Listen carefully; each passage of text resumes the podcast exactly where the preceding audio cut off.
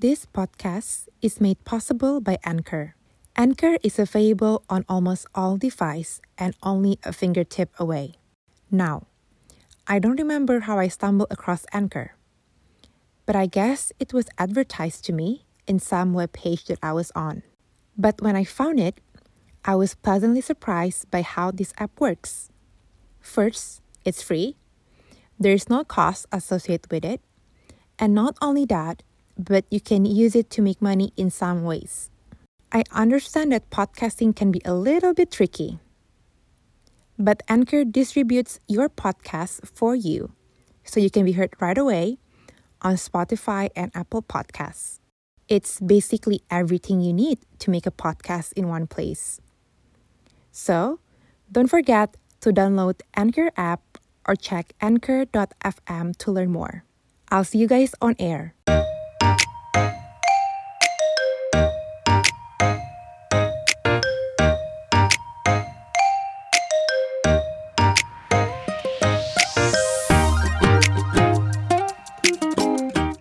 Claudia, and this is Unmute Podcast. We're on this unmute zone together. Every other week, we'll unmute some of the uncommon thoughts about failures and life experiences. Listen up and let the brain sparks begin. Enjoy the ride. Welcome to Unmute with Claudia podcast. This is your host, Claudia Helena, and today is actually our first anniversary of Unmute with Claudia podcast.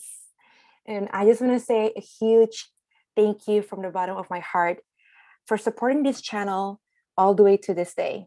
I am so pleased that I'm here celebrating this milestone with one of my role model in the economic industry.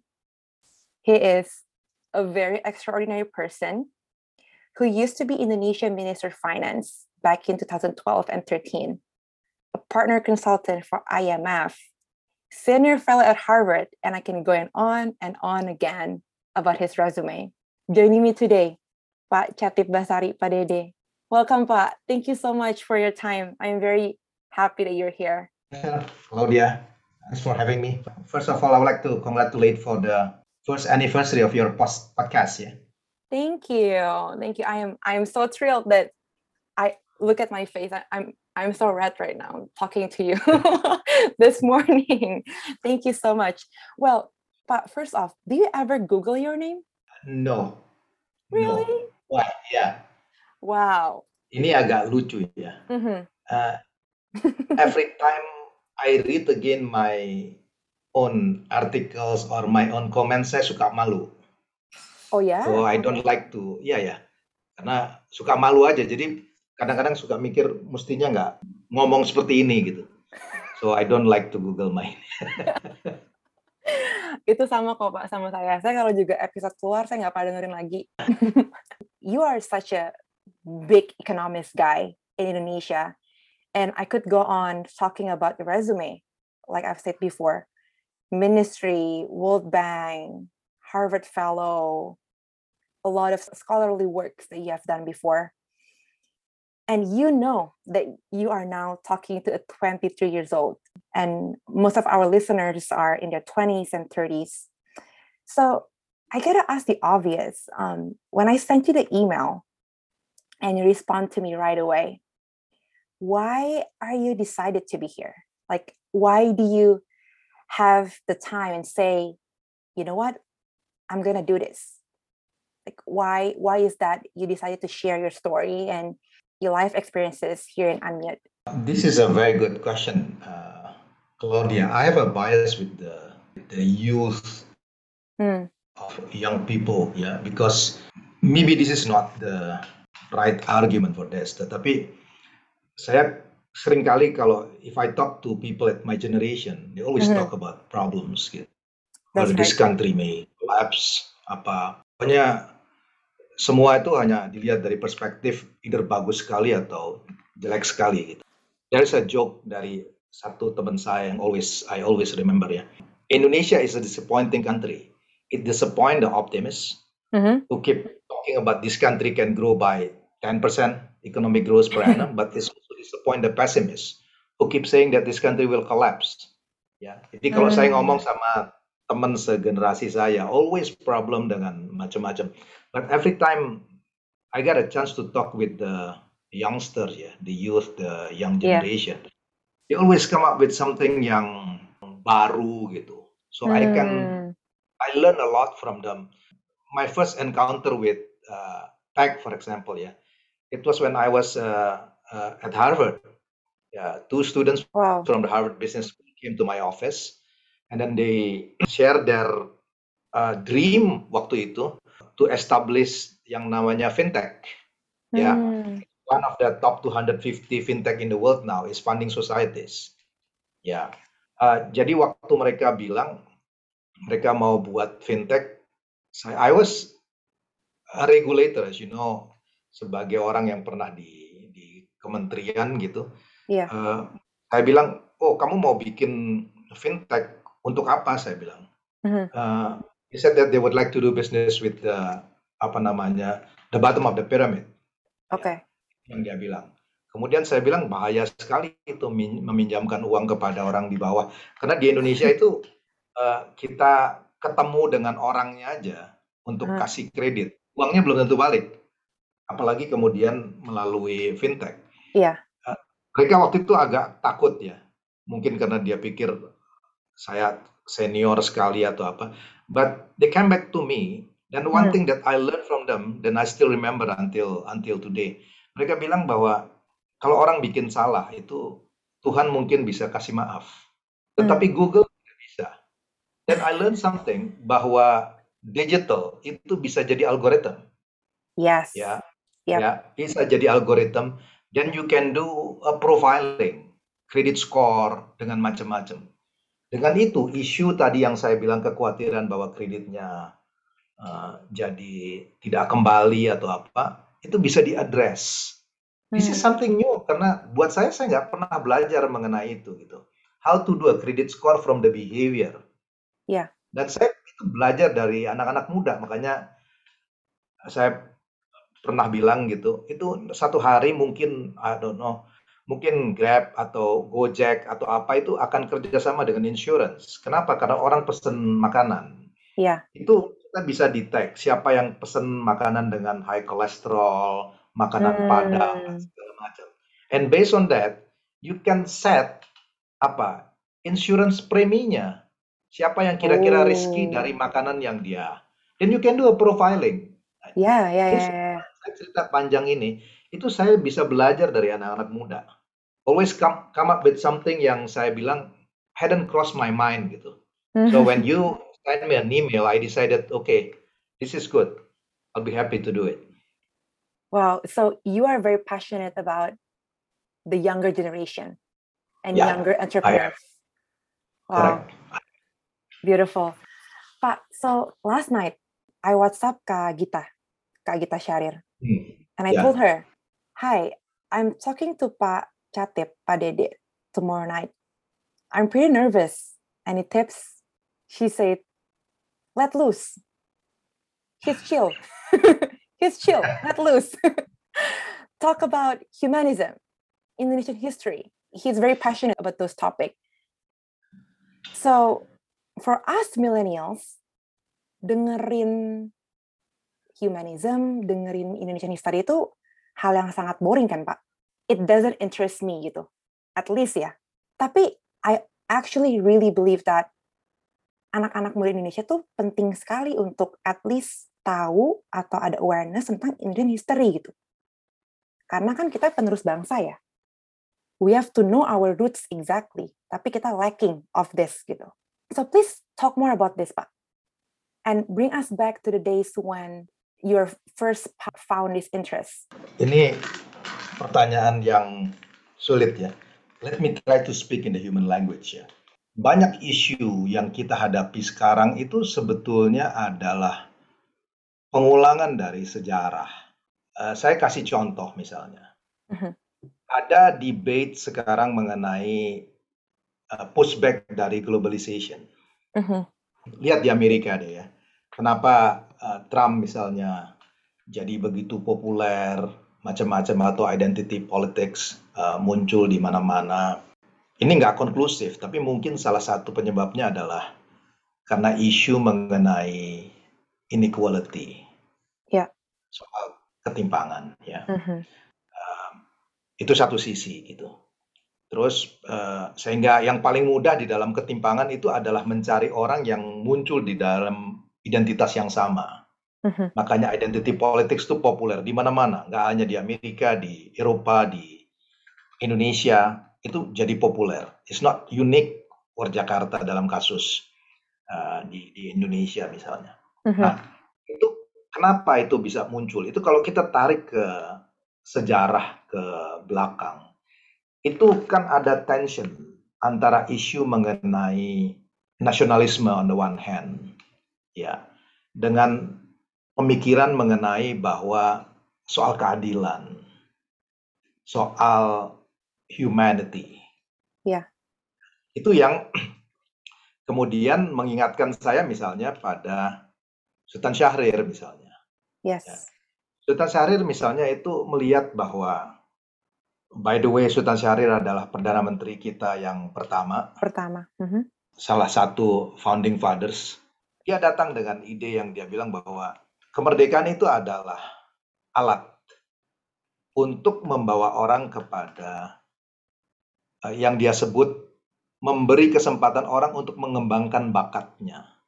Hmm. Jadi orang seperti Sultan Syahrir itu melihat bahwa uh, kemerdekaan itu adalah jembatan untuk ke arah yang lebih jauh. Jadi isu mengenai nasionalisme dan segala macam itu adalah satu step sebelum langkah yang lebih jauh itu mengenai humanism.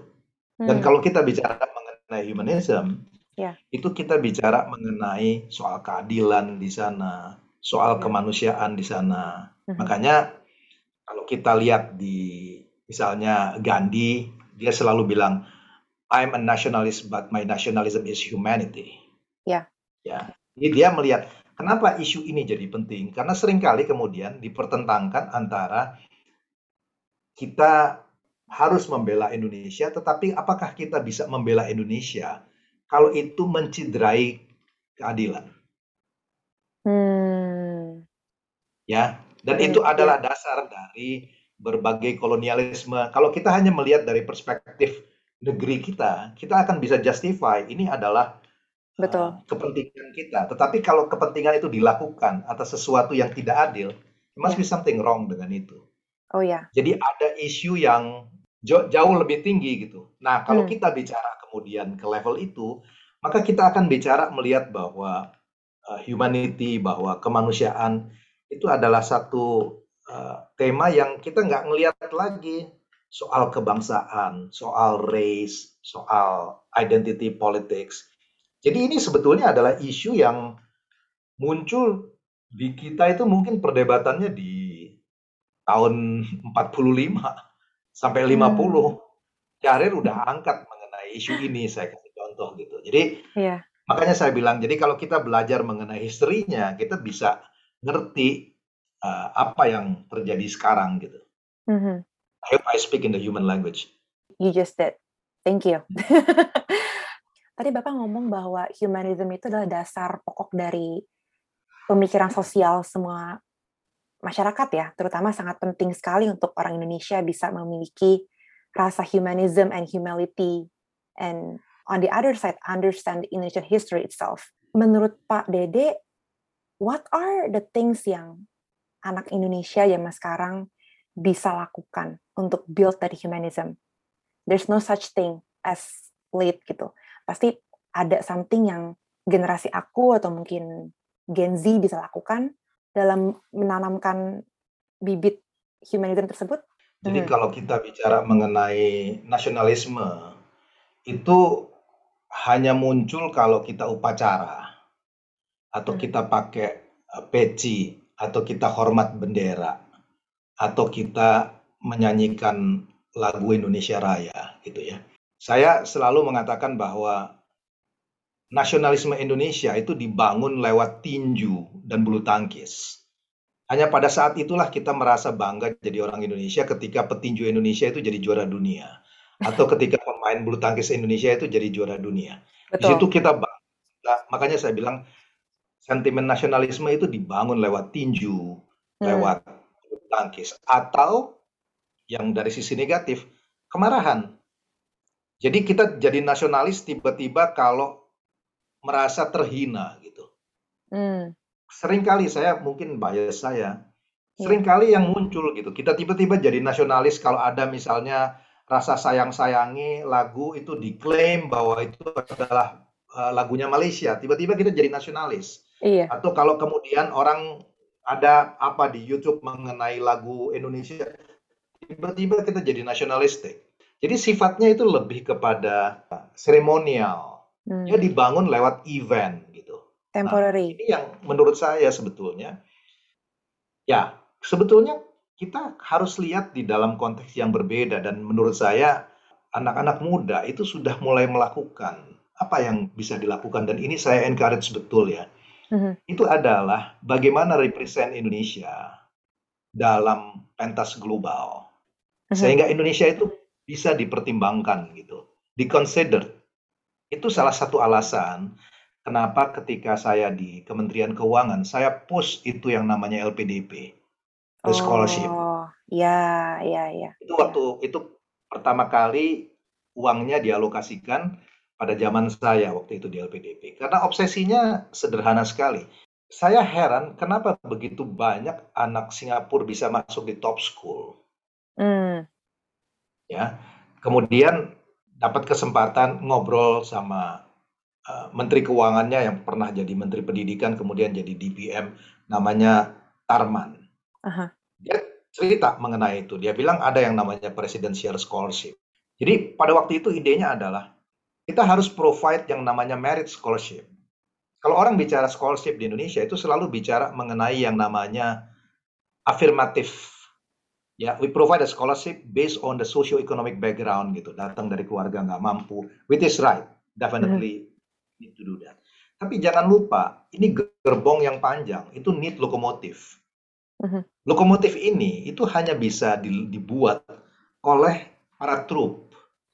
Nah, untuk membuat para trup critical mass itu dibutuhkan orang yang regardless race-nya apa, agamanya apa, socio-economic background-nya apa, yang bisa diterima di top school diterima di Berkeley, di. Oxford, di Cambridge, Ya. Harvard, you, you name it, Mhm. Ivy League. Makanya idenya pada waktu itu dari LPDP adalah top 200 universities. If you get accepted Hmm. in the top 50, itu scholarship-nya dikasih langsung sama presiden. Kenapa saya bilang begitu? Karena saya kita ingin ya melihat bahwa anak-anak muda itu bisa represent Indonesia. Jadi jadi kebanggaan terhadap Indonesia itu tidak hanya muncul melalui kalau kita marah, ya, kalau kita, tapi kita bisa punya sesuatu di pentas global gitu. Orang itu bisa belajar banyak mengenai Indonesia. Itulah persis yang saya lakukan pada waktu saya jadi senior fellow di Harvard. Mereka, saya bisa cerita pengalaman saya, how to manage the taper tantrum, bagaimana soal adjustment dari BBM, dan orang bisa belajar. Indonesia itu adalah case study yang luar biasa, di mana orang bisa belajar. Hmm. Anak-anak muda Indonesia Hmm. itu bisa lakukan itu because people like you ya, you have the access. Ya, you went to the very to the top school, punya akses, pinter, macam-macam. Itu bisa menghasilkan sesuatu. Makanya tadinya Mhm. saya cerita ya, tetapi Ya. memang situasinya nggak memungkinkan. Saya bahkan pada waktu itu berpikir bahwa kalau LPDP itu diberikan, orang bisa stay beberapa tahun sebelum dia pulang. Kenapa? Hmm. Karena saya percaya bahwa Bangalore will not exist without Silicon Valley. I agree. Kenapa begitu? Karena 60% dari orang yang ada di Silicon Valley are Indian and Chinese. Mhm. Makanya mereka diasporanya bisa muncul. Ya. Jadi dari segi itulah kemudian anak-anak muda bisa contribute. Ya, they provide something yang bisa bukan hanya berguna buat apa namanya kita bicara mengenai Indonesia, tetapi dia berbicara mengenai global. Mhm. Ya, dan itu adalah kontribusi Indonesia di dunia. Nah, dari sini you're talking about something real gitu. You're dealing, doing business with the bottom of the pyramid. Mhm. Nah, ini Indonesia bisa contribute. Jadi melihat mengenai isu, mengenai kontribusi kita kepada humanism, nasionalisme, itu dibikin dari kebanggaan. Bahwa we Hmm. produce something, ya. At the policy level misalnya di G20, kita datang dengan ide how to deal with the global situation gitu. Ya. Ya, Itu saya berapa bulan lalu ya, itu ada kolom di Free Exchange di Economist. Dia quote taper tantrum. Saya kaget waktu itu. Eh, waktu itu juga saya baca lagi, saya pikir kalau di Economist itu sampai refer Indonesia itu artinya worth it bahwa dia Ya. belajar dari dan dia spesifik mengenai satu kolom mengenai itu. Ini yang saya bilang bahwa we can contribute something. Kita kemudian membuka semua ke- kesempatan kepada anak-anak muda untuk melakukan yang terbaik, nggak hanya di dalam konteks bahwa mereka menjadi nasionalis atau do something kepada humanism kalau mereka upacara bendera atau melakukan sesuatu hanya di negaranya. Wow. I really like when you say kalau Indonesia itu adalah case study dari Ya. negara-negara tetangga gitu. Sejujurnya sebelumnya saya nggak pernah kepikiran segitu jauhnya sih Pak. Sampai Pak Dede mention about that. Pak, I mean, obviously kita baru ngobrol 15 minutes, but I, I've already learned so much from you dan besides from your amazing resume ya. I obviously really admire you as a fellow economist, but not just what you do, but also your heart for for for people gitu. You care about equitable capital for UMKM. You care about education in Indonesia and other social issues. I wonder what type of values that you think you carry on to this day. Where's your biggest influence comes from? Karena tadi kita sempat ngobrol di awal-awal there's many great economists out there, but specifically, I I really admire your heart for people gitu. And aku yakin banget this value nggak datang semalam gitu ya. Um, you have built these characteristics and these values along your journey, and I wonder what kind of values that specifically could carry you on to this day. Um, maybe I am not a good example of good economist Interesting. Why? karena saya nggak suka dengan economics. Jadi, Hmm. let me share with you my background. I hate economics karena semuanya itu di saya sebut sebagai kalkulasi cost benefit analysis.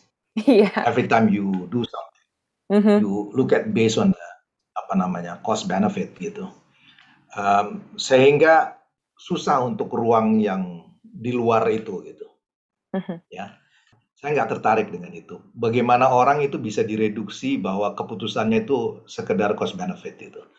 Okay. Kemudian I was more interested, not was, I am more interested kepada uh, sastra, literatur, kepada uh, drama, segala macam. Dan sebetulnya I wanted to kepada uh, kesenian. Ya. Hmm. Tapi my parents itu did not allow me to sekolah yang seperti itu gitu. Okay. Kenapa? Karena ini situasinya beda zaman sekarang dengan zaman dulu ya. Mhm. Kalau zaman dulu itu if you want to be someone ya, jadi somebody, Iya. itu harus sekolah yang formal gitu. Yang ukuran sukses tuh kalau bisa jadi insinyur, sarjana ekonomi, sarjana hukum, uh, dokter gitu, medical doctor, something like that. Kalau sekarang itu oke, ruangnya kemungkinan orang bisa jadi chef, bisa Mhm. jadi artis. Jadi saya lebih suka sebetulnya dengan art, dengan kesenian gitu. Jadi saya ikut di dalam drama, nyutradarai pementasan, reading literatur, dan saya jauh lebih tertarik dengan itu. Berarti Nah, tapi kemudian, berarti sorry, Pak go ahead. Dede Pak Dede lebih social science dibanding empirical Ya, ya. science. Oke. I was inspired by my uncle. Uh, Hmm. om saya itu Asrul Sani. He was a man of literature di Indonesia. Yes. Salah satu dari yang namanya Sastra. uh, tiga menguak takdir angkatan 45. Jadi Hairil Anwar, Asrul Sani dengan Rifai Apin. Ya, jadi itu dia adalah director, uh, film director, kemudian sutradara teater, sastrawan, Mhm. uh, very cultured. Ya, saya sering ngobrol gitu ya sama dia dan pernah satu hari saya bilang saya mau sekolah, dia bilang, "Kenapa kamu mau sekolah?" gitu. Saya bilang, "Saya mau jadi supaya saya jadi sarjana." Dia bilang, "Itu konsekuensi dari orang sekolah. Itu bukan tujuan." Kalau orang sekolah konsekuensinya dia lulus. Tetapi tujuannya bukan itu katanya. Apa yang jadi tujuan kamu? Saya bingung juga masih masih kecil waktu itu ya. Saya nggak bisa jawab. Dia bilang kalau kamu nggak bisa jawab, kamu jangan sekolah katanya. Of course ini it's too extreme. Jadi sesuatu itu yang kemudian apa yang bisa kita lakukan? Mau sekedar cari status sosial dengan punya ijazah? Atau we do something bahwa sekolah itu sebetulnya adalah belajar interaksi bisa punya pengalaman intelektual belajar dari orang dan macam-macam. Yang kemudian yang paling penting itu bukan kelas tetapi milieu tapi ambience di mana diskusi intelektual itu bisa muncul. Kita bisa belajar dari orang. Bukan mengenai hafalannya tapi cara berpikir sistematis. Dengan kayak begitu akhirnya saya bilang ah, saya nggak mau ngambil kalau mau yang formal saya nggak mau ngambil economics. Jadi saya kemudian berpikir untuk masuk uh, politik karena itu lebih sosial. Oh. Ya berhubungan dengan orang dan macam-macam. Nah, di Indonesia itu ada pada waktu itu ujiannya namanya UMPTN. Mm -hmm. It's like a tes untuk seluruh apa universitas gitu. Yeah. tes. Nah, uh, Fakultas Ekonomi di University of Indonesia itu uh, rankingnya di atas. Jadi kalau mau masuk ke sana itu kom very competitive. Kompetitif. Mm -hmm. Very kompetitif. Nah, saya maunya ke political science. Terus saya nggak I'm not interested in economics. Terus ada teman saya tanya mau ambil apa loh? Saya bilang ambil political science. Terus pilihan keduanya apa? Karena kita we have to kita mesti taruh pilihan kedua. Huh. Bilang ekonomi. Dia bilang salah kalau lo dapet uh, nggak dapat di political science, ekonominya pasti nggak dapat karena pada waktu itu very competitive. Jadi rankingnya mesti dibalik katanya. Karena kalau nggak oh. dapat di ekonomi, ada kemungkinan bisa dapat di political science karena dari apa namanya, dari acceptance rate-nya gitu ya. Jadi saya pikir, wah ya juga gitu. Toh saya nggak akan dapat di pilihan pertama. Jadi saya rubah kemudian, saya taruh itu economics pilihan pertama di University of Indonesia, kemudian political science-nya di pilihan kedua. Eh, waktu diumumkan, saya dapatnya di economics. But I had no choice kan? Iya. Yeah. Saya nggak punya pilihan. Habis mau gimana coba? Ya udah, udah masuk di sana. Uh -uh. Kemudian saya coba untuk belajar gitu. Tapi karena my interest lebih kepada soal yang tadi, soal art, hmm. humanity, hmm. macam-macam yang lebih saya kemudian coba berpikir bagaimana membuat diri saya itu tertarik dengan soal economics. Mm. dari awal itu saya kemudian mencoba untuk membuat itu sebagai sesuatu yang humane gitu. Mm. Ya, sesuatu yang humane, sesuatu yang yang dekat dengan kita sehari-hari. Oke. Okay. Ya. Jadi dia dia jadi sesuatu yang jadi akrab buat saya itu jauh ketimbang dia sesuatu yang soal calculated cost benefit yeah. dalam kita ngambil keputusan apa-apa. Tetapi yang yang dekat. Nah, dari situ kemudian saya melihat oh this is very interesting karena ini adalah sesuatu yang mengenai choice. Saya bisa belajar value, saya bisa belajar history, bisa belajar macam-macam. Dari sini, dari hal ini. Yeah. Ya, ya. Saya misalnya kasih contoh gini mengenai ini paper ini akan dipublish segera. Mm-hmm. Satu pertanyaan saya adalah orang itu kan tahu bahwa COVID bahaya. Iya. Ya. Tapi dia kenapa tetap keluar rumah? I did the, some quantitative analysis untuk itu. Ini kemudian yang pertama adalah alasannya karena dia nggak punya uang. Ini bapak untuk karena dia gak punya uang. untuk orang Indonesia ya pak? Orang Indonesia. Oke. Okay. Kasusnya Indonesia. Saya gunain uh, Google Community Report-nya Google uh, Big Data-nya Google. Oke. Okay. Ya. Mm-hmm. Dia nggak punya uang. Dia kan stay at home. Mm-hmm. Karena kalau dia tinggal di rumah, dia nggak ada savings, itu nggak akan kuat untuk bisa tinggal di rumah. Yeah. Too poor to be unemployed. Yeah. hanya orang kaya di Indonesia yang bisa nganggur. If you are rich, you can stay at home. You could afford to stay at home because your parents itu punya non-labor income. Hmm. Tapi the poor people, they don't have savings. They cannot afford to stay at home. Makanya saya bilang, kalau mau lakukan lockdown, you have to compensate them Stimulus. dengan kasih uang. Mm-hmm. Makanya social without social security yang bagus, itu yang program distancing lockdown nggak akan jalan. Ya, Jadi setuju. satu, saya bilang karena itu lockdown itu bias in favor kepada middle and upper income class, unless mm-hmm. the government provide Makanya saya bilang bahwa BLT harus dikasih. Ya. Tapi that's one thing, that's easy to explain. Jadi saya lihat hubungan antara residentials dengan pendapatan. Jadi orang hmm. yang stay apa namanya, yang keluar dari rumah itu kecenderungannya memang mereka mesti cari kerja. Hmm. Tapi pertanyaannya adalah how do you explain yang dari middle and upper income group? They have savings, kemudian mereka uh, punya pendapatan, tapi juga nggak mau tinggal di rumah. Jadi saya coba lakuin sesuatu untuk untuk untuk ngetes kenapa sih mereka nggak takut. Jadi saya lihat kan ada berita mengenai new death cases per hari daily.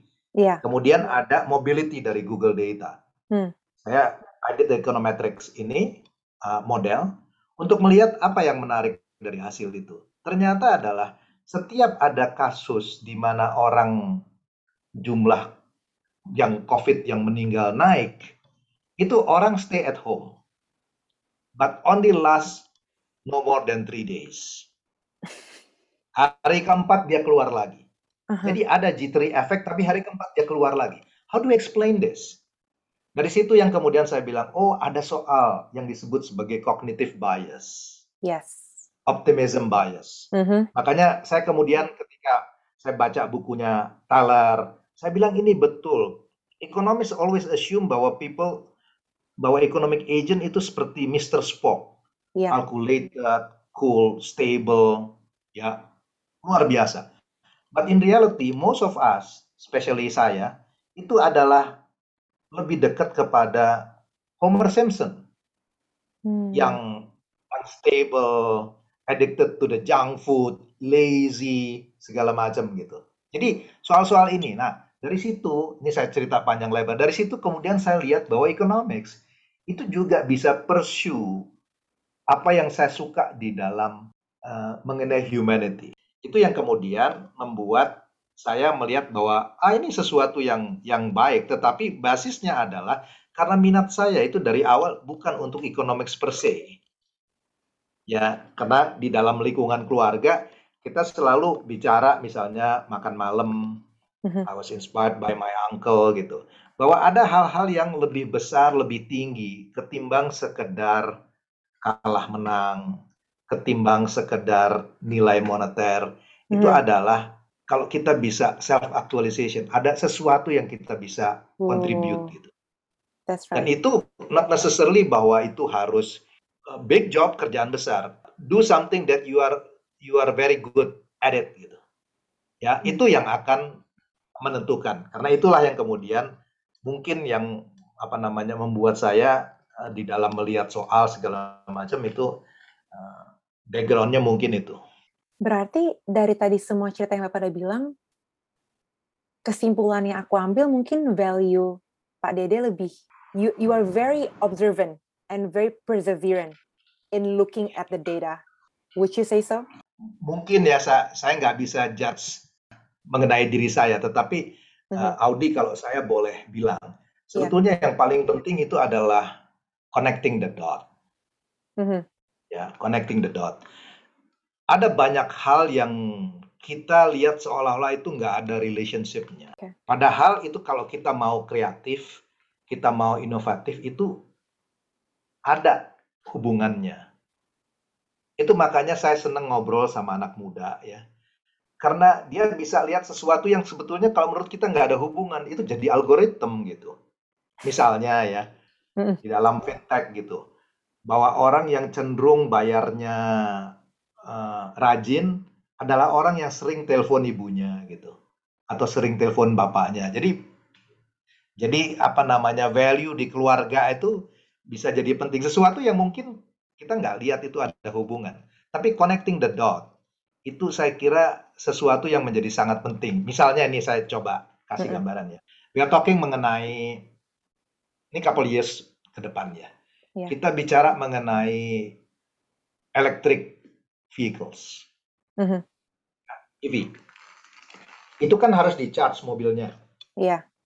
Karena listriknya di Indonesia belum ada, akan ada tempat yang kayak pompa gas station gitu, tapi untuk electricity.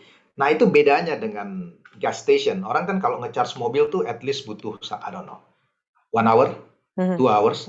Pertanyaannya adalah orang yang nunggu itu mau ngapain? Oke, dia mau Iya. ngapain? Iya. Mungkin nanti ke depan toko groceries akan adanya di sekitar tempat untuk charge uh, electric vehicles. Karena orang yang bingung selama satu jam, dia mungkin harus pergi ke cafe, Mhm. they do groceries, mungkin they do their laundry. Iya. Ya, itu bahkan lokasi akan berubah karena behavior seperti itu. Ini kan sesuatu yang tadinya nggak ada hubungan gitu. Nah ini itu yang saya bilang bagaimana kita bisa apa ya? Yang paling penting adalah connecting the dot mengenai hal-hal yang tadinya itu dianggap nggak berhubungan. Dari situlah menurut saya ide-ide baru itu akan muncul gitu. Mhm. Berarti juga diperlukan critical thinking ya, Pak, I think so. Untuk bisa mendapatkan. Makanya saya Iya. Makanya itu yang saya lakukan dengan LPDP. Ya, saya mau pada waktu itu kita punya critical mass yang bisa jadi gerbong. You go to the top school, kemudian nanti jadi lokomotif. Karena itu yang akan dan itu ternyata terbukti ya. Lihat apa yang terjadi dengan teman-teman yang dilakukan di tech ya, Ya. di macam-macam. Ya, mereka sekolah di sekolah-sekolah bagus, pulang do something dan nggak Ya. hanya untuk bisnis besar loh. Ya, Mhm. lihat apa yang dengan dengan Social impact juga ya. Misalnya. Saya mau bahas sedikit mengenai your family and latar belakang Oke. keluarga. And let's talk about education for a while. Orang tua asli Minangkabau, terus SMA di Menteng Raya, Nampat, Kanisius. Ya. Saya anak kantor Sula, Pak. Oh, Saya anak Sanur. Saya anak Jalan Pos. And then UI, ekonomi. ya. Then after later in the year um, di AN ANU for for your master.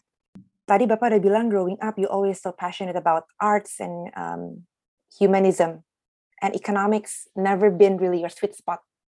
And I guess Bapak di ekonomi sebenarnya by accident ya. Karena kan tadinya kan mau masuk political science. Jadi Betul. bisa dibilang it is it is by accident gitu. Nah, saya sangat setuju dengan Bapak bilang social science itu penting untuk dikembangkan di anak-anak muda gitu dan I'm not gonna lie, banyak banget anak-anak muda zaman sekarang di Indonesia yang lebih kuat di social science dibanding empirical science-nya gitu.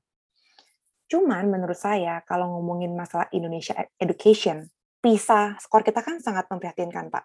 Di math, reading, itu kita di 370-an, sedangkan negara OECD itu tuh 470, 432 gitu.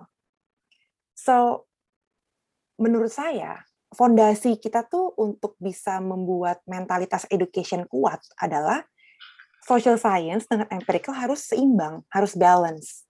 Bukannya kita mau menomorduakan social science, tapi gimana ya caranya pemerintah tuh bisa mendobelkan porsinya dalam hal empirical science. Jadi bisa mensupport lebih lagi. Tell me the truth of what do you think about this and do you feel optimistic with ed- Indonesia education? Karena Eh, Audi, oke. Audi, Iya. terus yang juga eh, mendorong saya untuk kasih scholarship dengan apa namanya dengan LPDP dan waktu itu kita support bidik misi ada isu mengenai PISA skor kita. ya, Ya, saya kalau ini saya bukan ahli pendidikan by train ya. I'm teaching at the Department Economics tetap karena saya belajar mengenai ekonomi, tapi saya bukan bukan expert di dalam didik orang. Kalau menurut saya ya, kualitas dari lembaga pendidikan itu akan tergantung dari faculty membernya. mhm, You went to.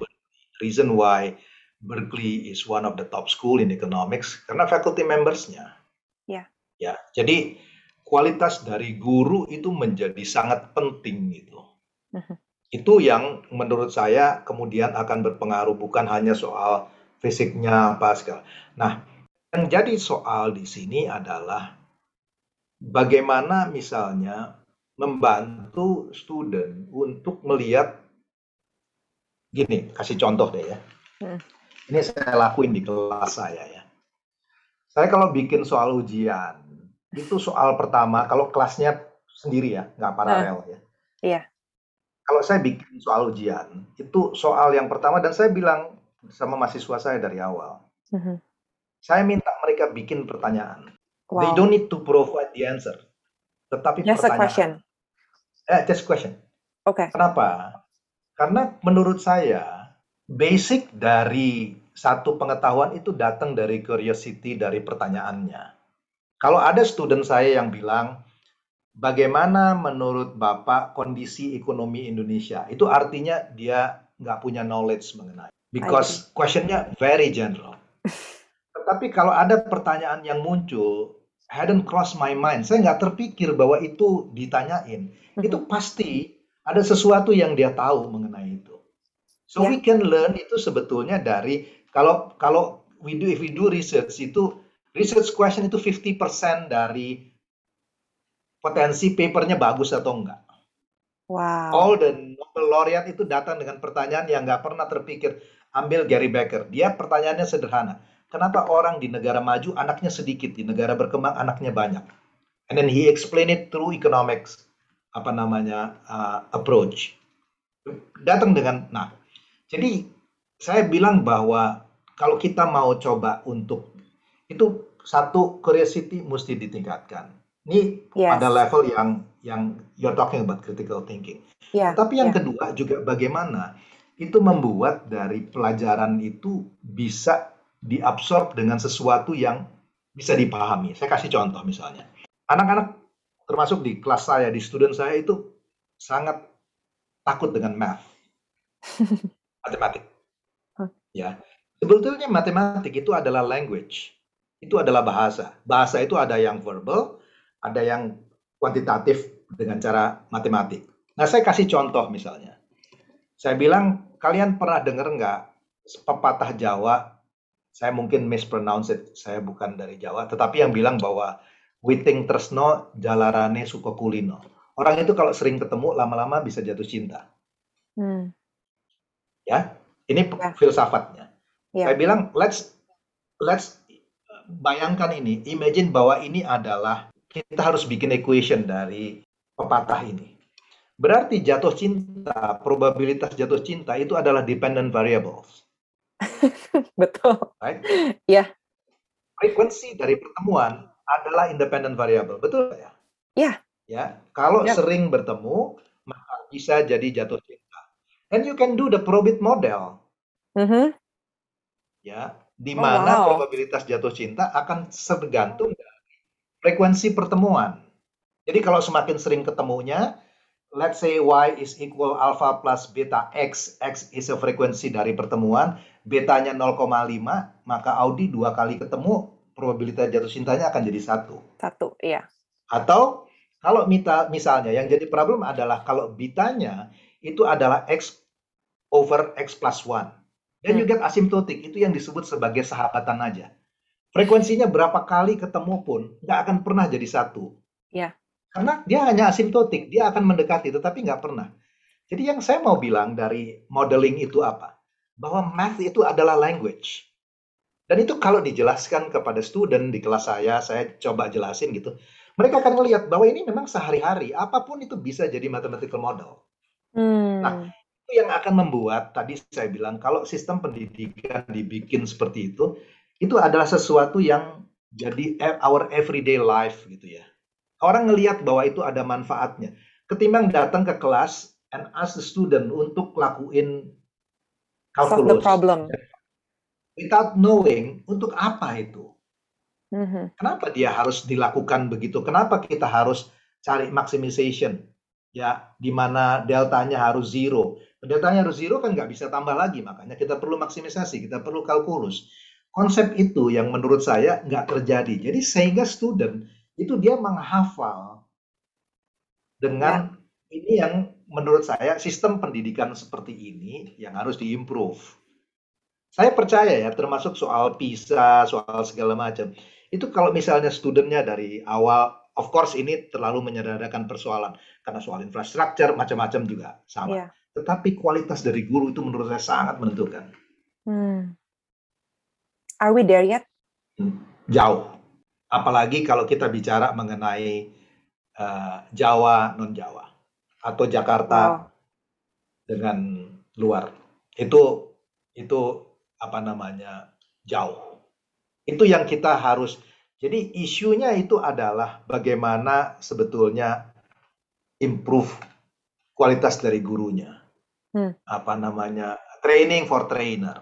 Ya, itu yang harus kalau enggak dia kalau kualitas dari gurunya maka yang akan dihasilkan adalah uh, muridnya itu kalau dia dites dia akan lakukan dia menghafal dia karena esensinya dia nggak dapat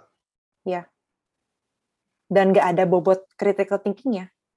correct Karena Correct. mereka nggak asking a deeper why ya of that course or that subject itself. Ya, correct tadi Bapak eh, ngebahas banyak hal, tapi aku dapat waktu Bapak ngomong gitu, I personally think that our system itu masih meritocratic, as if like the concept of privilege isn't being talked enough in a Hmm. lot of aspect in our life. And ini aku juga quote um, sedikit dari tentang Sultan Syahrir ya.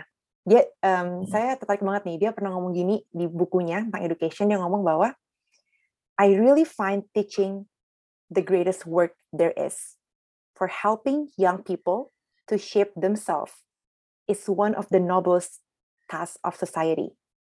What are your thoughts about that?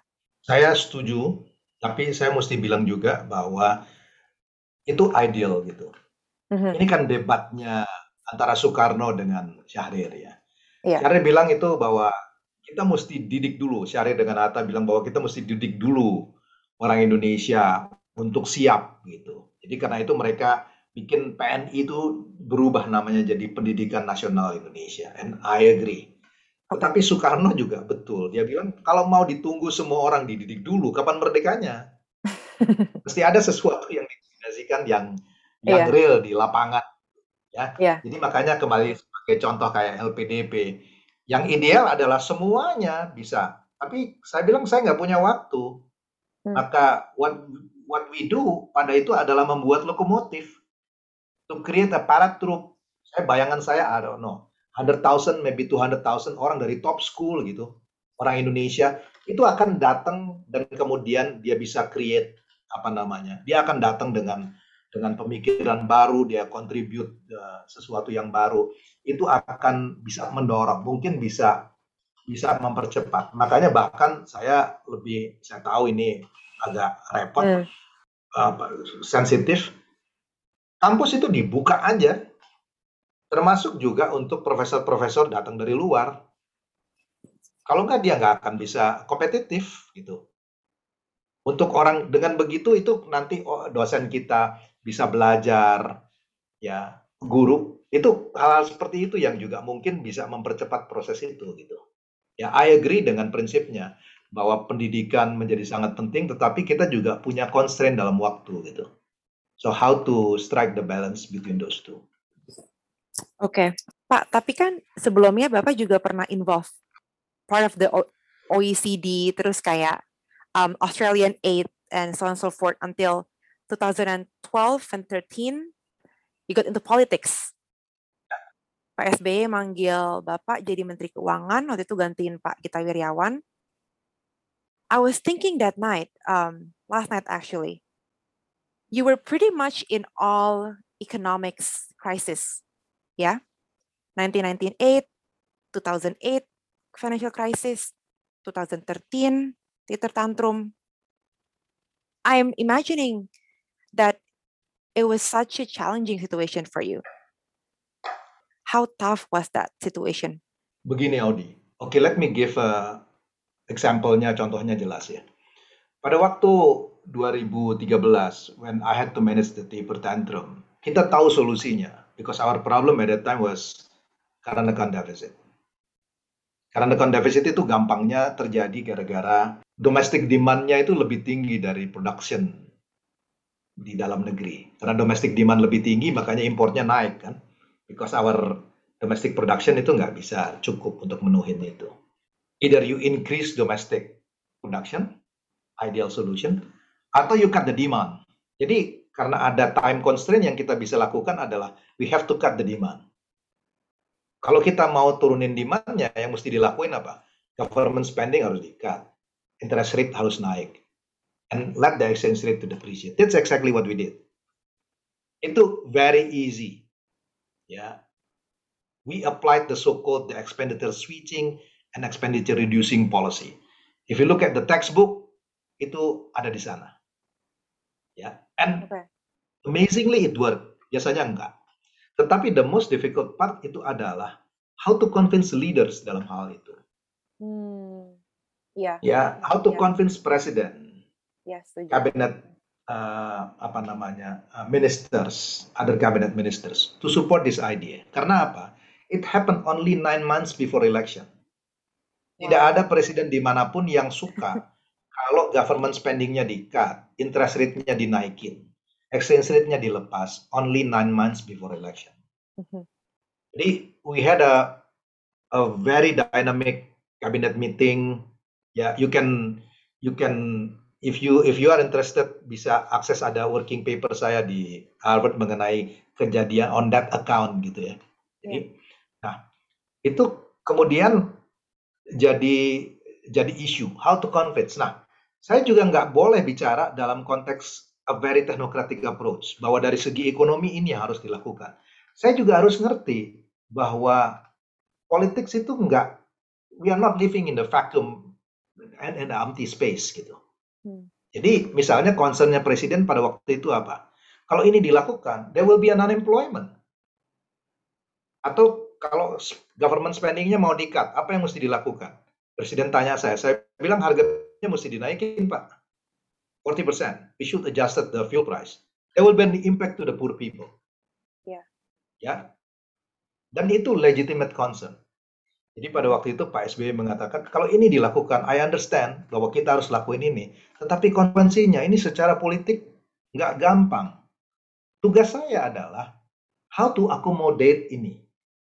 Yeah. Ide besar dari managing the economic crisis terjadi, tetapi concern politiknya bisa diadres. Jadi pada waktu itu yang kita sampaikan adalah, oke okay, Pak, what's your concern? Dia bilang employment. Oke, okay, kalau gitu kita buat policy di mana kalau perusahaan tidak mem-PHK, laid off, kita kasih tax incentive. For the poor people, we compensate through the direct cash transfer, BLT. Hmm. So we address the concern supaya dari segi politiknya dimungkinkan. Sampai akhirnya Presiden agree dan we could manage the the, the taper tantrum relatif cepat. Nah, pada waktu misalnya kasih BLT, problemnya adalah we don't have we didn't have data pada waktu itu. Hmm. Gimana mau kasih um, data uh, orang miskinnya kita nggak tahu. Yeah. Nah, tapi ada sesuatu yang menarik adalah kalau kita coba targeting poor itu susah karena semua orang akan ngaku miskin kalau dia dapat uang. Let the poor to show themselves dari reveal preference-nya. Apa hmm. yang terjadi? Waktu BLT itu orang antri bisa sampai I don't know, 5 jam untuk dapat 150 ribu rupiah. Iya tuh. Audi, kalau kamu datang dari middle and upper income class, you won't waste your time. Five hours only to get 150,000. Mungkin ada bias beberapa orang, tapi nggak banyak. Jadi orang yang antri itu pasti refill preference-nya, they badly need the money. -huh. Dari situ kita bisa bikin selection berdasarkan refill preference-nya. Sekarang sama dengan kartu program kartu prakerja. Orang marah dengan program ini. Kalau menurut saya ini useful. Dibilangnya bahwa program kartu prakerja itu nggak ada gunanya karena uh, trainingnya udah ada di YouTube. Nah, buat saya gini, kalau satu program itu nggak useful, nggak ada gunanya, terus kemudian orang ikut, dia pasti ikut cuma satu minggu dia drop nggak ada gunanya.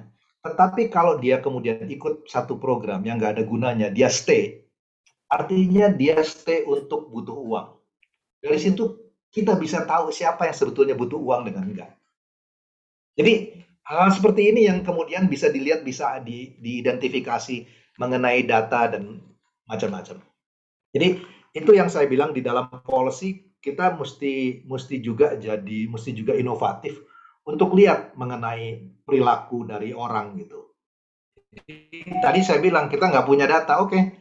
Kalau misalnya kita mau kasih cash transfer, mungkin mesti dipikirin kalau bayar kasih uangnya mungkin dengan SIM card. Karena kenapa SIM card? Kita bisa identify orang itu dari beli pulsanya, dia miskin atau enggak, hmm. dari mobility-nya, dan bisa bayarnya even kepada SIM card dia bisa cash out. Interesting. Do you ever think yourself that you actually never really been into politics? The reason why I ask about this because you seems that you're very into public service and policy making yeah. instead of politics. It it doesn't seem that you really enjoying your time back when you were a minister of finance and you didn't seem really happy back then you kind of look jaded and fatigued. i saw i honestly saw one of your interview back then when you were still a minister kayak ada beban gitu pak kayak True. you were not happy more so you you, you look jaded and now abis dari abis dari governor bapak langsung fokusnya ke scholarly works and involved in couple of organizations multinational organizations so i guess were politics back then miserable for you would you say so uh, if you are a free man or free thinker, hmm. um, itu kadang-kadang kita suka frustrated gitu. Ya, karena sesuatu yang menurut kita itu obvious, jawabannya clear, bisa nggak dijalankan karena kompromi politik. You you you you you did your study, uh, you had a degree on this and and economics and environment. Hmm. Ya, apa yang mesti dilakukan. Buat saya misalnya di dalam kondisi COVID sekarang, itu fuel subsidi lebih besar daripada subsidi untuk health di Indonesia. Hmm. Support oh, ya? untuk health. Ya, kalau kalau misalnya dari segi teknokratik hmm. yang mesti dilakukan apa? Itu kurangin fuel subsidi. Impose the so-called the namanya fossil fuel excise Iya. Kemudian gunain uangnya untuk kasih social protection, kasih kesehatan. If you can provide vaksin udah free, tapi mungkin PCR testnya di, bisa disubsidize sehingga testing tracingnya bisa jalan misalnya. Kita nggak nggak persoalan dengan uangnya bisa dialokasikan dari situ. Itu kalau dari segi ekonomi kita bisa bilang this is one of the apa namanya uh, solusi yang bagus. Uh, mm -hmm I, I wrote a piece dengan Ben Holken dengan Ray Mahana di Project Syndicate mengenai ini. Tetapi kan faktanya nggak bisa begitu. Political reality-nya, one thing that I learned from my previous position as a minister, as a chairman of the BKPM is I'm humbled by the political reality. Okay. Jadi kemudian makanya saya kemudian nulis sebutu satu paper yang judulnya How to do Reform in an Imperfect World. Because we are not living in the first best world, we are living maybe in the second or the third best world run by the fourth best bureaucracy. Mm-hmm. And that's the reality. Kemudian apa? Saya belajar sesuatu. Ya, ini minggu lalu saya baru kasih interview kepada Age Economics mengenai ini. Saya bilang, if the institution or the political situation still in the Jurassic Park do not come up with the policy recommendation like a Star Wars. This is not going to work. Hmm. Yes, I agree. You have to be very realistic. Uh-huh. Ya, saya bilang sama World Bank, sama IMF, your policy recommendation perfect, first rate. But problemnya, it can only be implemented 25 years from now because requires the first rate institution. And we don't have it. Jadi akhirnya yang terjadi adalah how to work within constraint. Nah, itu yang kadang-kadang bikin orang jadi ekonomis jadi frustrasi. Ketika reformnya gagal, nggak bisa jalan, dia blame politician. Dia bilang, wah politisi ini nggak mau support kita. Tetapi saya kemudian belajar sesuatu. Cara berpikirnya harus dibalik. How to incentivize politician to support our reform rather than blaming them. tetapi bagaimana membuat itu menjadi sesuatu yang jadi useful buat dia. Hmm. Nah, misalnya sekarang, ya, saya, misalnya sekarang tadi saya bilang, apa hmm. yang dibutuhkan oleh Indonesia? Uang untuk ngatasin COVID. Kalau uang untuk ngatasin COVID datangnya dari mana? If we can collect tax misalnya dari carbon tax, fossil fuel tax, the one who get the benefit from it ini adalah middle and upper class. And use this money untuk social protection, untuk health. Itu politically sound and economically sound politically you get support dari orang karena orang bilang bahwa uangnya digunakan untuk the bottom 40. Actually Pak, Pak Dede pernah mengalami satu kegagalan yang such a turning point gak sih buat Pak Dede? Have you ever felt hard in your life because you live such a long life and you have so many experiences in aspect already. Tapi kayak you sort of seems to have it all together gitu. I know it's no one no one no one really does have it all together but I'm just wondering and mungkin awal 90-an kali ya 91 92 tapi nggak banyak orang yang tahu bahwa sebelumnya tuh saya coba berkali-kali dan nggak mau dimuat gitu. Oh ya pak? Ya ya mereka nggak mau nggak nggak nggak nggak nggak bisa publish. Jadi jadi saya tahu gimana rasanya kalau misalnya bikin tulisan itu di media being rejected gitu. Atau hmm. nulis buat jurnal uh, kemudian di komen di reject gitu. Kan tadi kita bicara mengenai hal-hal yang mengenai milestone ya gitu ya yeah. milestone tetapi kan di dalam proses itu uh, untuk mencapai situ banyak yang dan sering gagalnya gitu sering gagalnya jadi jadi kalau orang seolah-olah mungkin sekarang ngelihat saya nulis di media atau di mana gitu.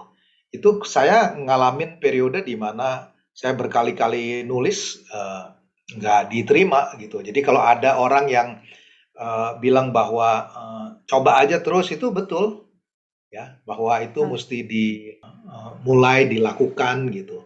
Ada something yang Pak Dede regret gak? Nggak regret ya karena saya selalu mikirnya gini kalau terjadi sesuatu yang menurut saya salah dan sering, hmm. ya itu uh, sebetulnya ngasih chance buat saya untuk kemudian uh, tahu bahwa itu salah gitu. Hmm. Dan dari ada ruang untuk memperbaiki itu gitu. Jadi saya selalu lihatnya uh, seperti itu. Mungkin ada ada penyesalan, aduh kenapa sih begini itu pastilah. Kalau terjadi sesuatu kan pertama kali itu kita denial ya. ya. Kita denial, kemudian kita marah gitu. Uh-uh. Baru nanti kita accept situasinya. Tapi terus setelah itu uh, saya bisa belajar mengenai uh, hal oh bahwa ini sesuatu yang memang sebetulnya nggak bisa atau saya nggak boleh lakuin gitu. Jadi misalnya kayak tadi, uh-uh. saya cerita saya ingin teater sebetulnya. Nah pertanyaannya adalah, saya nyeselin nggak mengenai apa yang saya jalanin sekarang gitu. Kalau lihat dari hobinya sih mungkin kenapa ya, jadi ekonom gitu. But at the mm-hmm. same time saya terus kemudian memang mungkin jalannya harus begini gitu. Mudah-mudahan paham maksudnya. Itu kan sesuatu yang sebetulnya ngerubah hidup saya karena saya sebetulnya bukan bukan itu plannya gitu. Ya, yeah. Pak, um, I want to talk with you about green public policy. Okay. Since my major is environmental studies and economics, and I know you're you're passionate about um, environmental as well. Menurut Pak Dede ini Pak, kan lagi COVID begini, suku bunga turun dan kebijakan post pandemi terkait fiskal lingkungan tuh gimana? Kan biasanya kalau interest rate itu tinggi, company nggak akan mau invest di yang berbau green kan, karena mahal gitu sekarang ini kayak Amazon atau kayak tech company lainnya gitu, Tesla. Mereka ini mencari peluang untuk tanda kutip raise more awareness atau dilihat lebih lah dibanding tech company lain dengan cara buat greenhouse atau buat green public policy or something like that. Mengambil kesempatan di saat interest rate lagi rendah gitu sekarang ini. Cuman di 0,25 persen. Mungkin sekarang bunga somewhat around that. Do you see this explorating these days? Uh, agree. Satu, saya lihat bahwa kesempatan untuk yang uh, namanya green recovery is there, hmm. ya, uh, karena low interest rate dan ini mungkin masih akan terjadi uh, for the next two years. Ya, jadi kesempatan untuk green recovery itu bisa. Uh, itu satu hal. -hmm. Tapi ada hal lain yang saya ingin bilang, Audi. -hmm. Uh, ini perbedaan perspektif dari uh, orang di negara seperti Amerika atau negara advanced country dengan negara emerging economies kayak Indonesia ya. Mm -hmm. Uh, buat negara di emerging economies kayak Indonesia atau kayak India atau beberapa yang lain itu uh, environment itu adalah hal yang dianggap sebagai luxury goods. Exactly. Kenapa dia luxury goods? karena isunya itu tidak tangible di depan mata buat mereka. Mm-hmm. You can yeah. argue bahwa itu tangible, bahwa climate change itu real, tetapi mereka bilang our real problem itu adalah besok bisa makan nggak? Hmm. Jadi karena itu isu di negara berkembang selalu kalau diajak bicara mengenai environment, mereka menganggap bahwa itu adalah isu long term. Mhm. Dan orang hanya bisa bicara mengenai environment kalau udah jadi negara kaya gitu. Iya. It's a luxury goods. Yeah. And you are rich enough then you can afford to talk mengenai green. Tapi kalau kita when we have to deal with our day-to-day problem, poverty, unemployment, uh, informal sector, terus diajak ngomong seperti ini, Nggak you will not get ya karena yeah. itu nah pertanyaannya adalah saya selalu tadi saya bilang adalah how to work within constraint kita tahu ini tapi kita nggak bisa bilang ya udah kalau gitu nggak bisa no how to work within constraint karena itu yang mesti dilakukan adalah how to link this environmental issue dengan day to day problem hmm. then you will get the political support To make it relatable. Ya, relatable. Ini yang ada di dalam pikiran saya. Saya tulis ini di Project Syndicate sama uh, Ben Holken dari MIT. Wow. Isunya yang paling penting itu adalah how to address uh, pandemi COVID. Ya, untuk negara kayak Amerika, they can afford to have this fiscal stimulus kayak Biden 1.9 trillion. Ya, they can afford deficit sebegitu besar. Tapi Indonesia kita nggak bisa ya karena kalau tinggi sekali akan ada isu dari debt sustainability, ada isu fiskal, ada isu financing. Jadi kita butuh uang untuk membiayai social protection. Mm-hmm. Kasih BLT cash transfer untuk orang. Kita butuh orang, uang untuk biayai vaksin kita butuh uang untuk membiayai orang yang kena COVID. We're talking about a lot of money di sini. Mm-hmm. Sementara fiscal space-nya terbatas. Jadi apa yang bisa dilakukan? Nah, yang saya propose adalah kenapa nggak dipikirkan mengenai excise dari fossil fuel? Ooh. Ya, why surcharge? Because the one who yes. get a benefit dari fossil fuel subsidy adalah uh-huh. middle and upper class. Karena mereka yang consume gasoline. Uh-huh. The people, the link to the kaitan antara fossil fuel subsidy dengan kelompok miskin itu adalah melalui public transport. Hmm. Atau kenaikan harga kalau sampai ada surcharge untuk fossil fuel. Oke, okay? tetapi saya ngerti ada implikasinya kalau itu dilakukan public transport harganya naik, harga barang-barang akan naik. Jadi what we need to do adalah we need to compensate them. Jadi yang terjadi bukan menghilangkan subsidi, tapi reallocating subsidi dari yang mistargeting, dari yang middle and upper class kepada yang poor. Yeah. Dengan cara fossil fuel. If you are doing it, I call this policy triple win.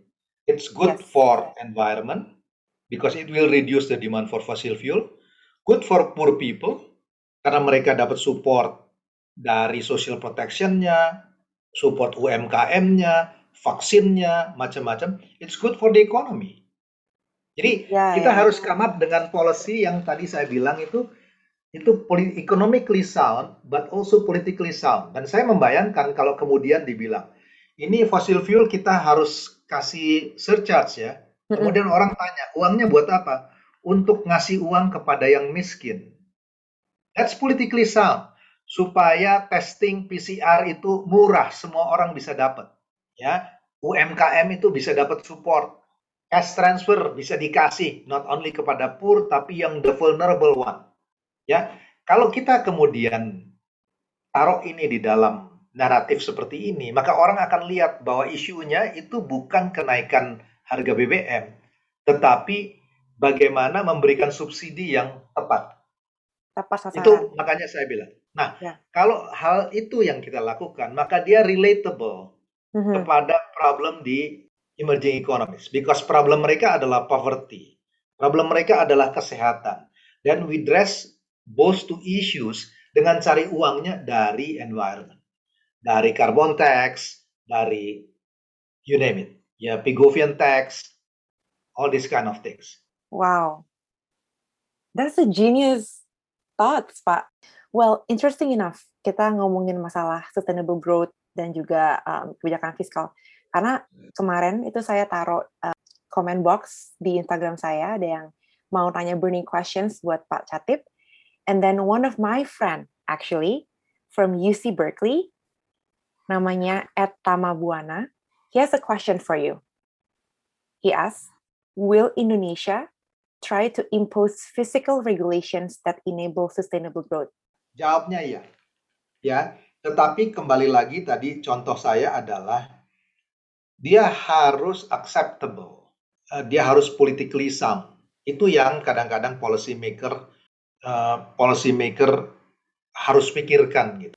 Ya, tapi kalau dia jadi separate issue, orang nggak akan support karena bedanya eh, Audi melakukan policy under democratic system dengan authoritarian itu berbeda. Beda. Mhm.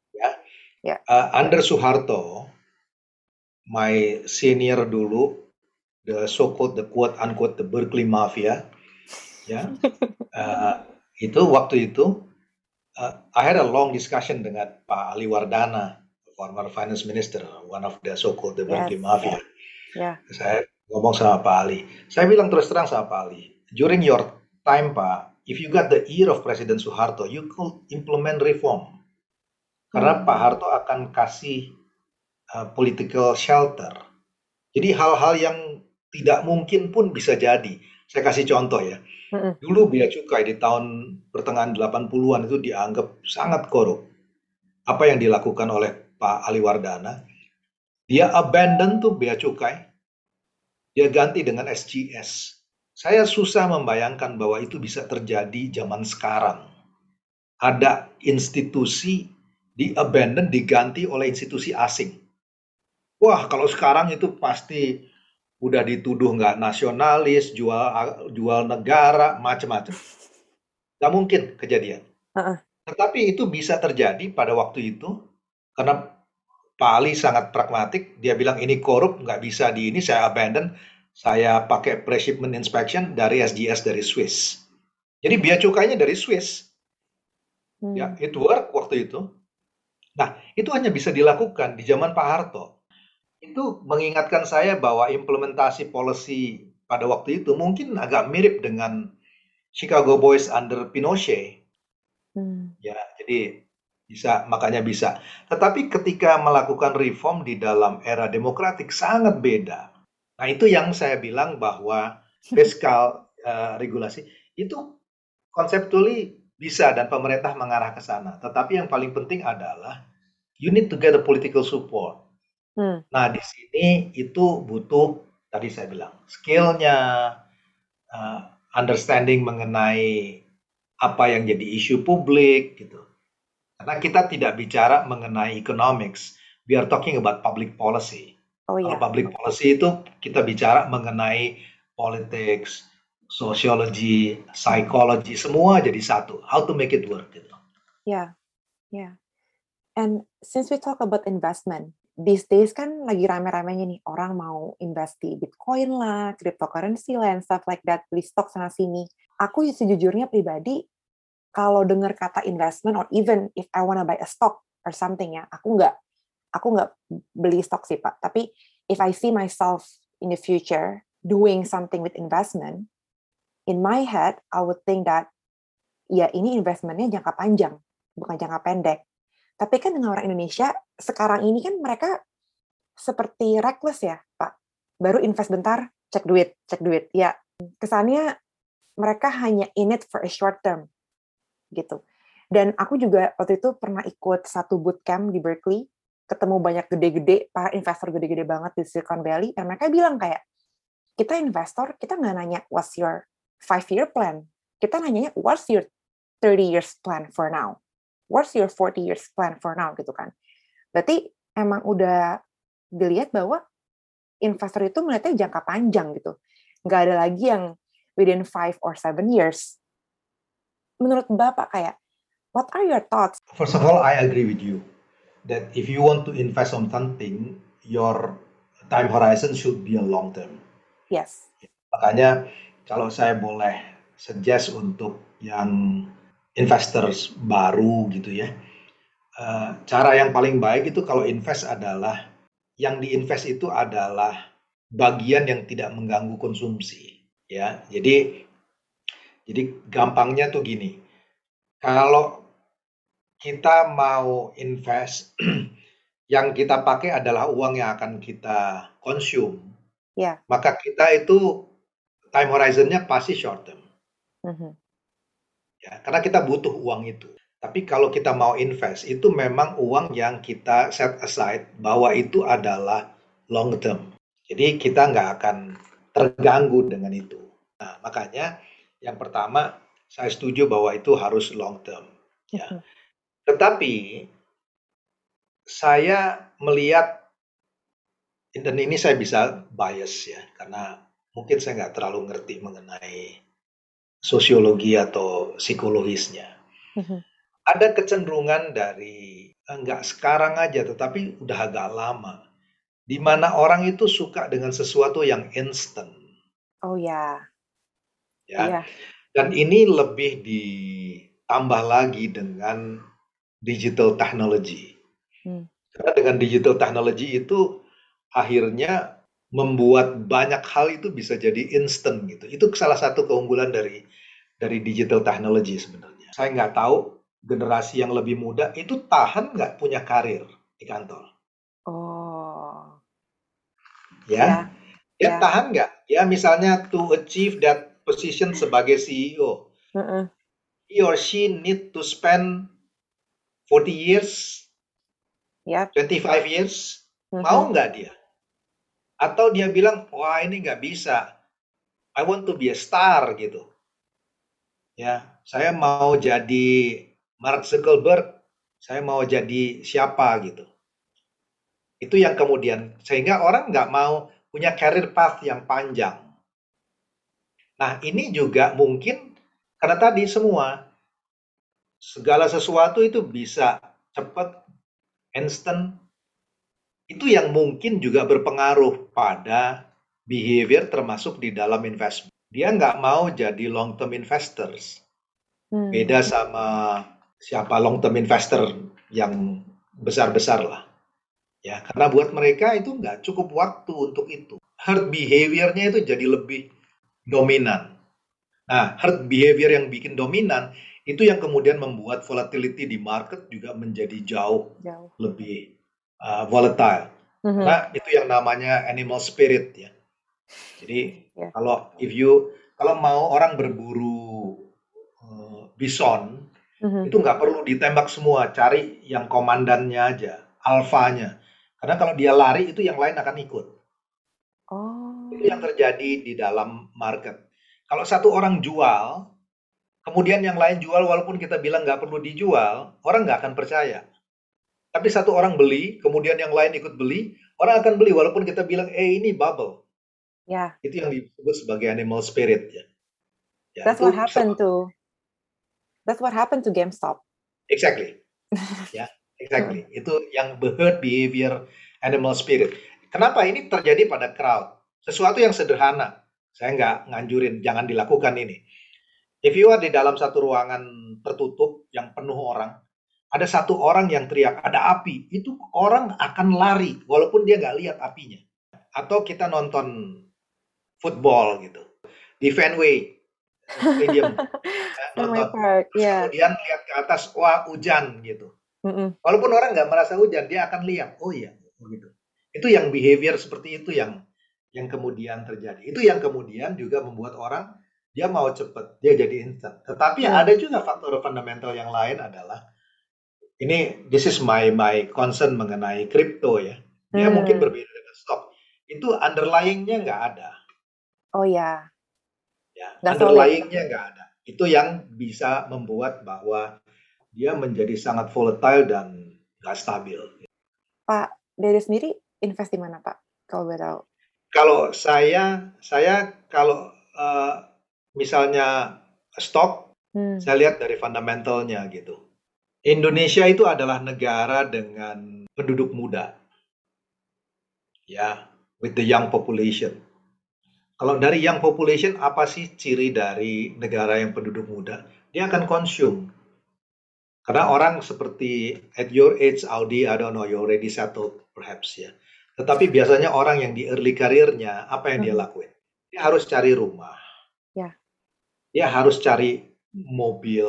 Kalau saya ngomong mengenai di Indonesia. Kalau di US tuh public transportnya baik sehingga orang nggak perlu. Tetapi di, di kayak di Indonesia itu kemudian dia cari barang-barang konsumsi itu yang jelaskan kenapa misalnya consumer goods itu relatively strong. I'm talking mengenai long term ya. Kalau tentu di ya. dalam COVID terkena gitu. Jadi hal-hal seperti itu atau misalnya ini sektornya belum. Saya membayangkan bahwa about 15 years from now 75% mm-hmm. dari population itu akan hidup di urban. Ya, dia akan hidup di kota. That's interesting. Ya, kalau dia akan hidup di kota, apa artinya? Segala sesuatu yang berhubungan dengan public facilities di kota itu pasti demand-nya tinggi. Mulai dari parking, clean water, mm-hmm. ya, ya, air mungkin 10-15 tahun sekarang itu akan seperti coal di tahun mid 2000 pertengahan 2000. Wow. Really? Ya, karena pasti orang akan struggle, apalagi dengan isu climate change. Oh ya. Ada abrasi di mana air lautnya makin ke tengah, makin susah untuk cari air bersih. Hmm. Dan itu akan jadi, jadi ngelihatnya lebih kepada, ngelihat sektor itu lebih kepada hal-hal seperti itu. Satu hari bisnis yang besar itu adalah tempat parkir. Itu makanya saya bilang, we are talking mengenai sesuatu yang long term gitu. Ya. Cuman kan persoalannya adalah orang cukup sabar nggak untuk itu? Hmm. Ya, yeah. thank you Pak. Um, there's also other questions dari Instagram dari at Aldo YM. What's your thoughts about Indonesia that have many SOEs? Is it good for Indonesia currently? Very good question. Kalau saya melihatnya sebetulnya, saya melihatnya begini. Esensinya sebetulnya adalah compete aja. Hmm. If they can provide the good service, dia akan survive di market dan akan improve quality. Saya kasih contoh, Singapore Airlines itu adalah state-owned enterprise. Mm-hmm.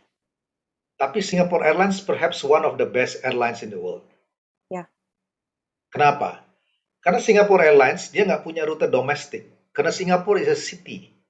Hmm. Jadi kalau Singapura mau Singapore Airlines mau survive, mereka harus compete. Sehingga suka nggak suka, Singapore Airlines harus improve quality-nya. State-owned enterprise, kalau dia kemudian diprotect terus, hmm. dia nggak akan bisa kasih provide quality yang baik. Tapi kalau dia misalnya treatmentnya sama, mereka harus compete, maka mereka akan berusaha. Makanya saya bilang, state-owned enterprise yang publicly listed itu performancenya relatif baik mhm. dibandingkan dengan yang non publicly listed. Jadi isunya sebenarnya menurut saya itu bukan ownership, tapi isunya adalah structure dari market dengan kompetisinya. Hmm. Ya, yuk kita bisa lihat bahwa ada state owned enterprise yang performancenya relatif baik karena dia publicly listed dan dia harus compete. Yep. Suka nggak suka, kalau nggak dia nggak survive. Problemnya dengan state-owned enterprise adalah mereka sering bekerja under yang namanya soft budget constraint.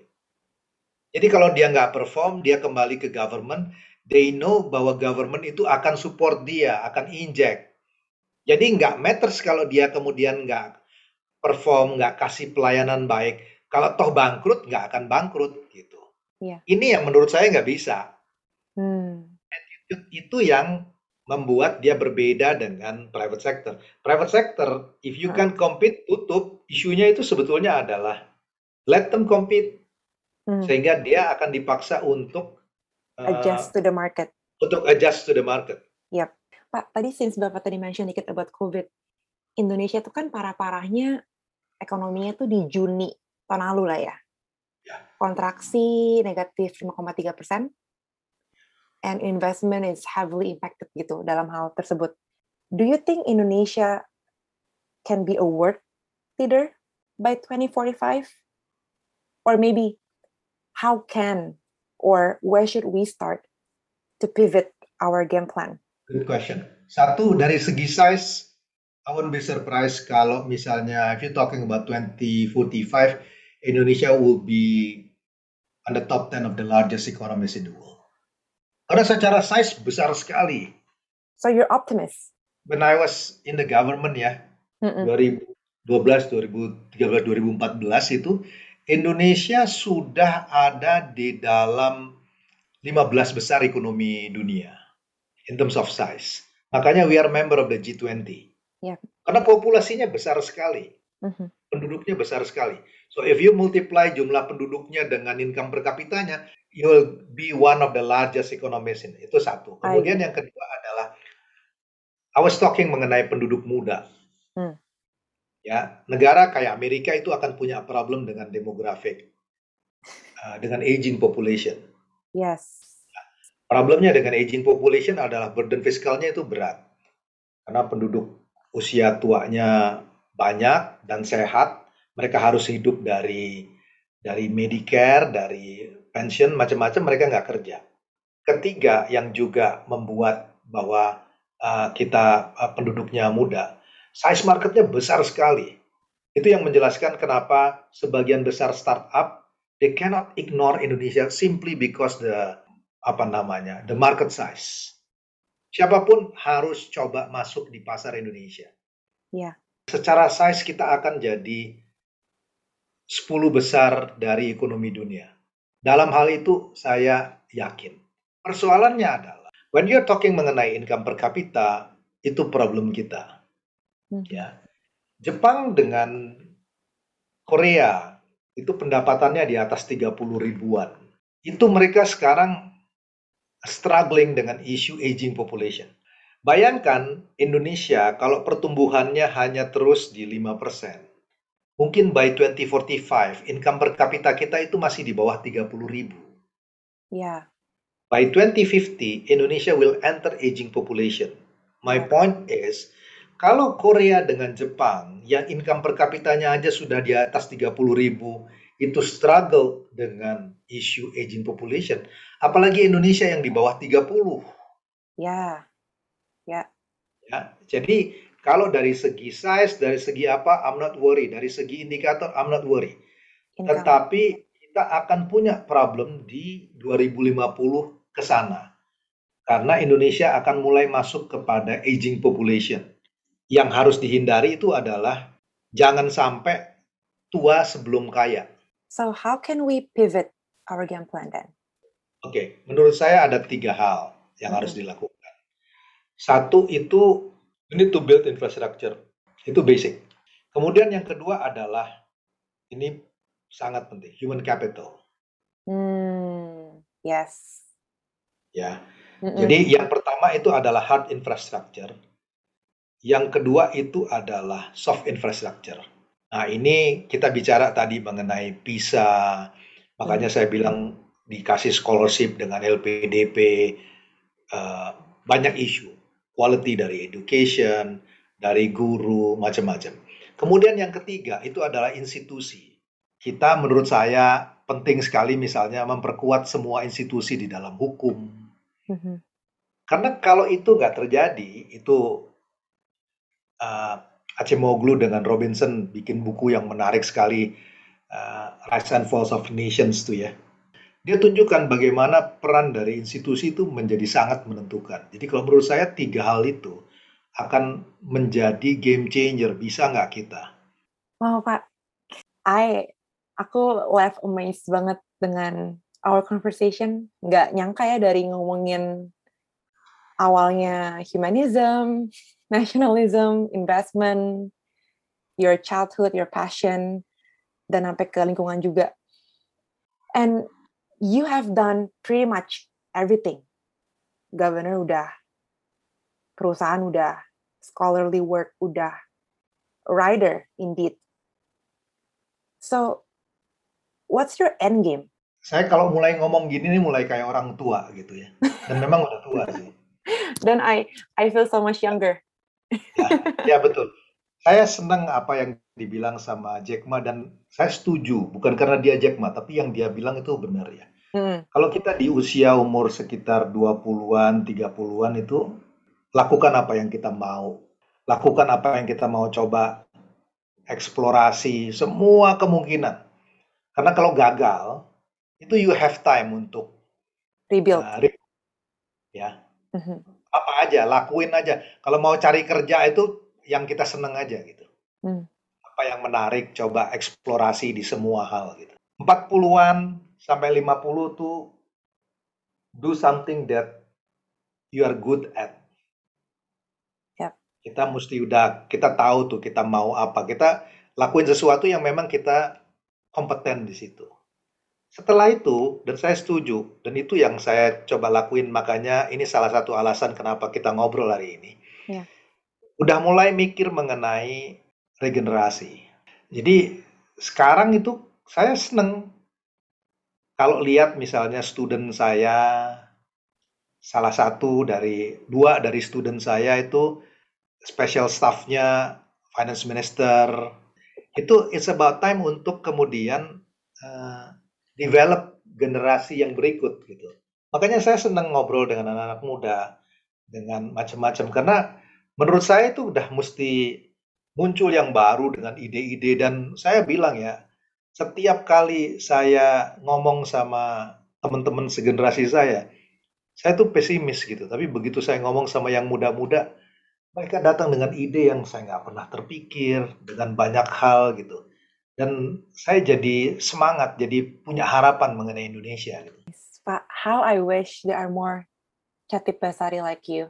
We need more Chatip Basari indeed. Satu hari kamu akan jadi yang lebih baik. Saya percaya dengan itu. Amin, Pak. Saya, ada banyak hal yang saya nggak tahu gitu. Dan itu kemudian akan bikin baca lagi.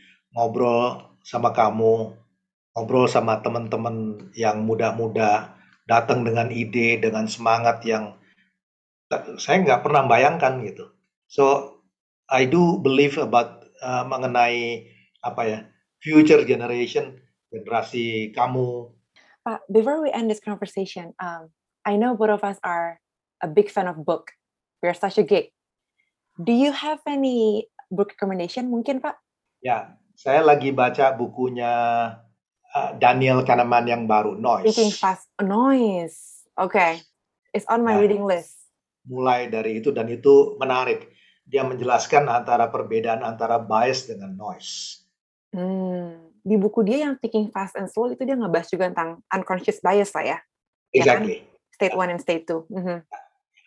Di, di dalam buku ini dia bicara mengenai uh, noise. Jadi contohnya misalnya uh, orang bikin satu hukum, orang salah, bikin salah. Itu judge bisa uh, hakim itu bisa ngambil keputusan yang berbeda untuk kesalahan yang sama, bisa hukumannya ada yang sekian tahun, ada yang sekian tahun, sangat bisa berbeda satu sama lain. Itu yang dia sebut sebagai noise. Karena orang bisa punya yang lain jadi scattered banget, scattered banget. Itu apa namanya sesuatu yang berbeda. Kalau bias itu dia ke arah sesuatu tetapi ada pattern di mana uh, kecenderungannya ke sana. Jadi dia kasih tunjuk tuh kalau orang main passer bisa aja dia nggak uh, tepat di sasaran agak di bawah, tetapi semua berkelompok di tempat yang sama. Ada Hmm. kecenderungan bias.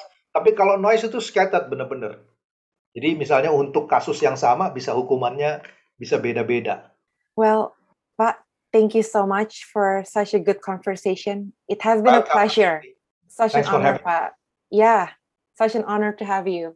Thanks for having me and uh, all the best for your unmute.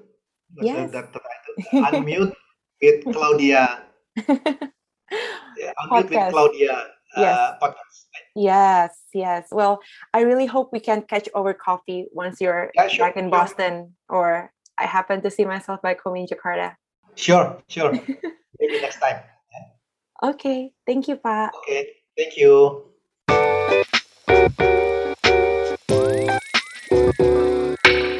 Thank you all for listening to this Unmute episode. Don't forget to follow this channel and share it with your friends too. And also, feel free to hit me up on Instagram at Claudia H. Johan. Unmute Podcast. Let the brain sparks begin. See you.